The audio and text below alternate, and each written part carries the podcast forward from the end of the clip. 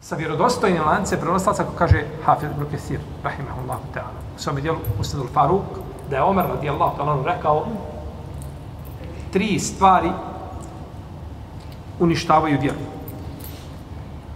Greška učenjaka, munafik koji raspravlja o Kur'anu, a rečit je, greška učenjaka, munafik koji raspravlja o Kur'anu, a rečit je, i predvodnici koji su u zabludi.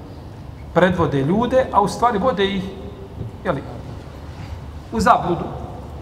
To uništava, to uništava vjeru. Šehol Islam ibn Kajim kaže u svome dijelu Jalamul Muaqijin da je zabranjeno po konsensusu islamskih učenjaka slijediti nekoga za koga čovjek zna da je upao u grešku.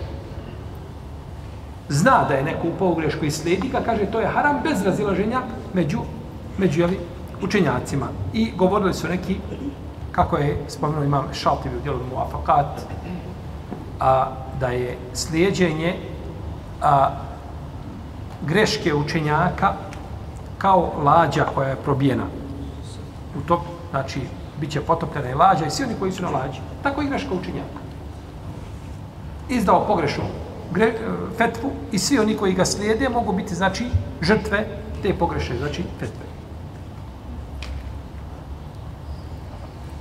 Pa čovjek nema, znači, pravo da slijedi ono što je neispravno. Dobro.